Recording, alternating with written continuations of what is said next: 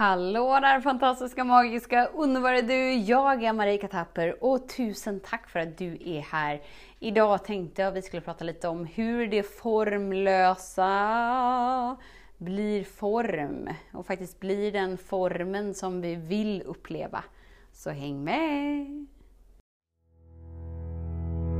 Så den stora frågan är, hur lär vi oss att älska oss själva utan att vara egoistiska och självgoda?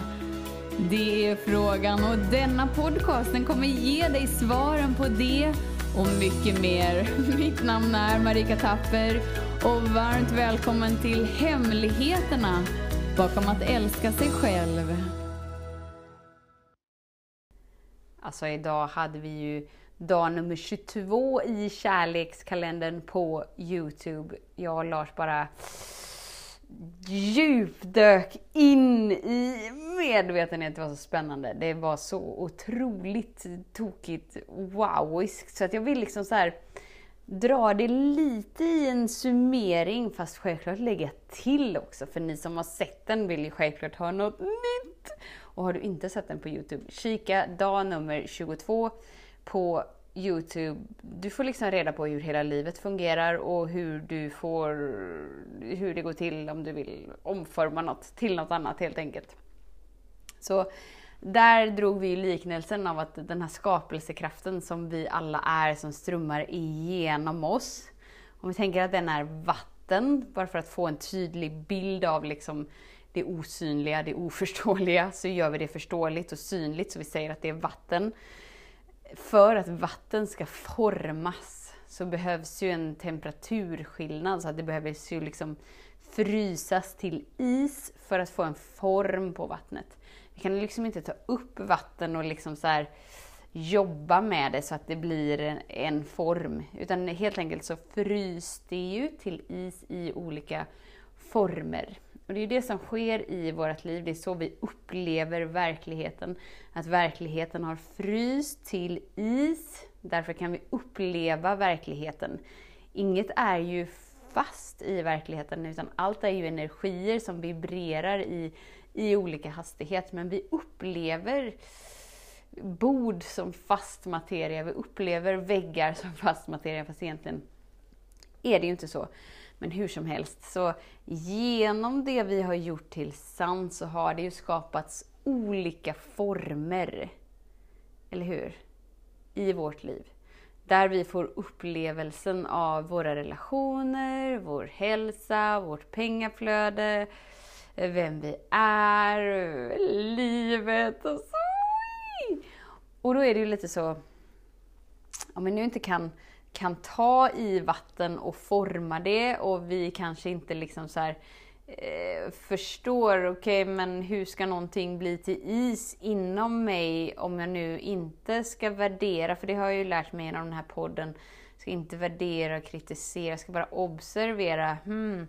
Men hur blir då det formlösa någon slags form? Jo, genom din medvetenhet. Så din medvetenhet blir ju aktiviteten som aktiverar vattnet och säger till vattnet att så här är det. Så här är det för mig. det här är sant för mig. Forma dig. Sim salabim och så formar sig livet.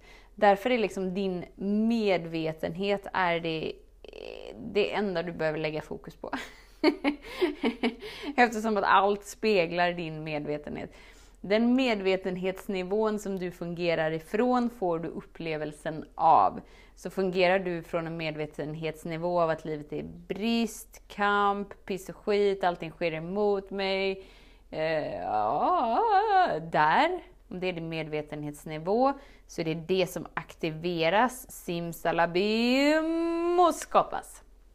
Och då blir ju allt det som skapas är, är alltid i resonans med dig.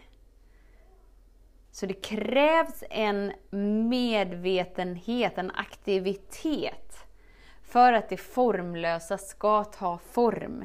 Och det är alltid i direkt relation till dig, för du är sändaren. Är du med på det? Mm, jag hoppas du är med på det. Du är sändaren, så du skapar aktiviteten. Aktiviteten är i direkt relation till det som du eh, skickar ut. Liksom. Och så formas det. Och då är det det som i liknelsen blir is. Det blir så fast så att du kan ta på det, så du kan se det, så att du kan uppleva det. Så det är så som isen blir till från början. Men då undrar vi ju nu då, vad gör vi med alla isblock som har blivit i vårt liv som kanske inte är så som vi vill att de ska vara? Isblocket av att ständigt känna oss värdelösa, ständigt känna oss otillfredsställda, ständigt känna oss som att livet suger, eller vad det nu än är. Det är isbitar. För att is ska smälta så behövs solen. Om du tänker en glaciär liksom. Visst, du kan gå dit med en liten yxa varje dag och bara så här, eller ishacka. Jag ska forma något nytt här, jag ska kämpa mig med min viljekraft. Simsalabim så ska det bli något annorlunda. Du kommer, eh, du kommer bli trött. Och det är det vi upplever i livet om och om, om igen när vi med viljekraft försöker göra om livet så att det ska passa oss. Istället för att kika på, men vad är det som skapar det här? Ah, okej, okay, det är min medvetenhet som skapar det här. Hmm, kanske att jag bör lägga fokus på min medvetenhet och höja medvetenheten så att jag får uppleva något annat för att jag är i resonans med något annat. Så vad är då solen i vår medvetenhet som smälter våra trosystem, det som vi har gjort till sant hittills? Utanför oss, det som smälter isen, är solen isen inom oss är våra trosystem. Vad är det som smälter trosystemen? Kärlek. Alltid, alltid, alltid kärlek. Alltså, värmen från kärleken smälter alla murar, alla isbitar, alla trosystem, allt hat, allt mörker, all rädsla, allt, allt, allt, allt, allt liksom slukas in i kärleken. Eftersom att du är kärlek, så att det blir ditt naturliga du, ditt flöde. Då återgår liksom formen av is, förångas och återgår till det formlösa. Så vad, vad är det som skapar en ny form ur det formlösa? Din medvetenhet. Så aktiviteten, alltså signalen, sändaren, är alltid du. Och signalen skapas alltid genom din medvetenhet.